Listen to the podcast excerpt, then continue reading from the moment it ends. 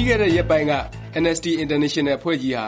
ရိုဟင်ဂျာ အကြမ်းဖက် အဖွဲ့အစည်းတစ်ခုဖြစ်တဲ့ ARSA အဖွဲ့ရဲ့ ရခိုင်ပြည်နယ်မြောက်ပိုင်းမှာ ဟိန္ဒူဘာသာဝင် အများအပြားကို အစုလိုက် အပြုံလိုက် သတ်ဖြတ်ခဲ့တဲ့အကြောင်း အစီရင်ခံစာ တစ်စောင် ထုတ်ပြန်ခဲ့ပါတယ်။ဖြစ်စဉ်ကတော့ ပြီးခဲ့တဲ့ ၂၀၁၇ သြဂုတ်လကုန်ပိုင်းက ဖြစ်ခဲ့တာဖြစ်ပြီး စက်တင်ဘာလထဲရောက်တော့ မြန်မာလုံခြုံရေး တာဝန်ရှိသူတွေက အလောင်းတွေကို ရှာဖွေ တွေ့ရှိခဲ့တာ ဖြစ်ပါတယ်။ ARSA အဖွဲ့ရဲ့ အဲဒီလို အကြမ်းဖက် လုပ်ရပ်ကို Amnesty International အဖွဲ့ကြီးက ထုတ်ဖော်လိုက်တာ၊ အဲဒီသတင်းကို ကမ္ဘာ့နာမည်ကြီး သတင်းမီဒီယာ ပေါင်းစုံမှာ ဖော်ပြခဲ့ကြတာတွေအတွက် မြန်မာအစိုးရ တာဝန်ရှိသူတွေဘက်က ကျေနပ်နေကြသလို၊တပ်မတော်ဘက်ကလည်း ကြိုဆိုတယ် ဆိုပြီး သတင်းထုတ်ပြန်တာ တွေ့ကြရပါတယ်။တကယ်တော့ Amnesty International အဖွဲ့ကြီးဟာ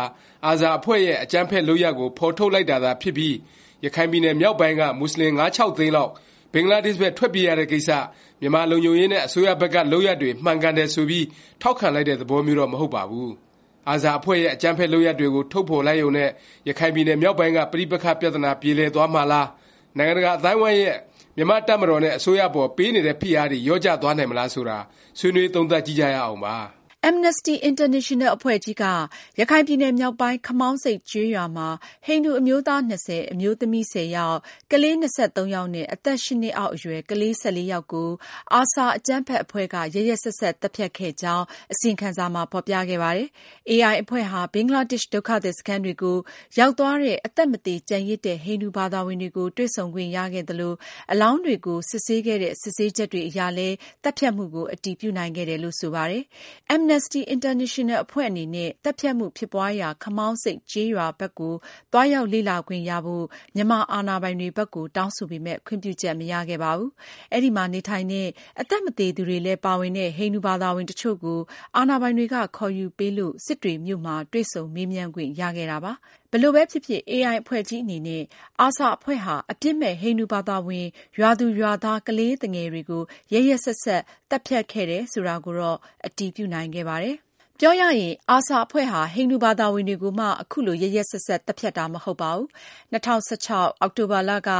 မောင်တော နယ်ခြားစောင့်ရဲတပ်ဖွဲ့ ဌာနချုပ်နဲ့ အခြား ရဲစခန်း နှစ်ခုကို အကြမ်းဖက် တိုက်ခိုက်ခဲ့ချိန်နောက်ပိုင်းနဲ့ ဒုတိယ တိုက်ခိုက်မှု လုပ်ခဲ့တဲ့ ၂၀၁၇ သြဂုတ်လ မကုန်ခင် ကြားကာလမှာလည်းမူဆလင် ကျေးရွာသား အတော်များများကို ရက်ရက်စက်စက် သတ်ဖြတ်တဲ့ မှုခင်းတွေ ကျူးလွန်ခဲ့ကြပါသေးတယ်။အစိုးရဘက်ကို သတင်းပေးတယ်လို့ သူတို့ ယူဆသူတွေ၊သူတို့ရဲ့ စည်းရုံးမှုကို မလိုက်ပါတဲ့သူတွေကို လမ်းမှာ စောင့်ဆိုင်း သတ်ဖြတ်တာ၊မိသားစုနဲ့ အတူရှိနေတာကို နေအိမ်ပေါ်အထိ တက်ပြီး သတ်ဖြတ်တာမျိုး အထိ ကျူးလွန်ခဲ့ပါတယ်။အဲဒီထဲမှာ သတင်းမီဒီယာတွေနဲ့ တွေ့ဆုံခဲ့တဲ့မူဆလင်ကျေးရွာ တာဝန်ရှိသူ နှစ်ယောက်ဆိုရင်လည်း နောက်ရက်တွေမှာပဲ ရက်ရက်စက်စက် သတ်ဖြတ်ခံလိုက်ရပါတယ်။ဒီဖြစ်ရပ်တွေနဲ့ ပတ်သက်ပြီး မြန်မာအစိုးရ လုံခြုံရေး တာဝန်ရှိသူတွေဘက်က အကာအကွယ် မပေးနိုင်တာ၊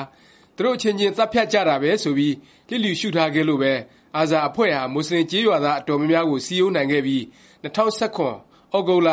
ရဲဌာနနဲ့ ကင်းစခန်း ၃၀ လောက်ကို တစ်ပြိုင်နက်တည်း ဝင်ရောက် တိုက်ခိုက်နိုင်သည် အထိ အင်အားကောင်းလာတာ တွေ့နိုင်ပါတယ်။ ခြုံငုံသုံးသပ်ရရင် ARSA အဖွဲ့အကြမ်းဖက်မှု ကျူးလွန်တာ သိပ် ထူးဆန်းတဲ့ ကိစ္စ မဟုတ်ပါဘူး။သူတို့ အကြမ်းဖက်တဲ့ သတင်း AI အဖွဲ့ကြီးက ထုတ်ပြန်လိုက်တော့မှ နိုင်ငံတကာ မီဒီယာတွေမှာ ဖော်ပြကြတာ တစ်ခုပဲ နည်းနည်းထူးပါတယ်။ဒါပေမယ့် AI ရဲ့ အစီရင်ခံစာမှာ ARSA အဖွဲ့ကိုပဲ အပြစ်ပုံချထားတာ မဟုတ်ပါဘူး။အကြမ်းဖက်မှုကာလ၊တန်ပြန် နှိမ်နင်းစဉ် ကာလအတွင်း ARSA အဖွဲ့နဲ့ မြန်မာလုံခြုံရေး တပ်ဖွဲ့တွေ နှစ်ဖက်စလုံးရဲ့ ကျူးလွန်မှုတွေ ဖော်ထုတ်နိုင်အောင် အဲဒီ ဒေသထဲကို သတင်းထောက်တွေ၊ AI လိုအဖွဲ့မျိုးတွေ၊ကုလသမဂ္ဂစုံစမ်းရှာဖွေရေးအဖွဲ့လိုမျိုးတွေကိုသွားရောက်ခွင့်ပေးသင့်တယ်ဆိုပြီးတောင်းဆိုထားတာတွေ့ရပါတယ်။ ဒီအချက်တွေကိုကြည့်ရင် AI အစီရင်ခံစာကြောင့် မြန်မာအစိုးရနဲ့ တပ်မတော်က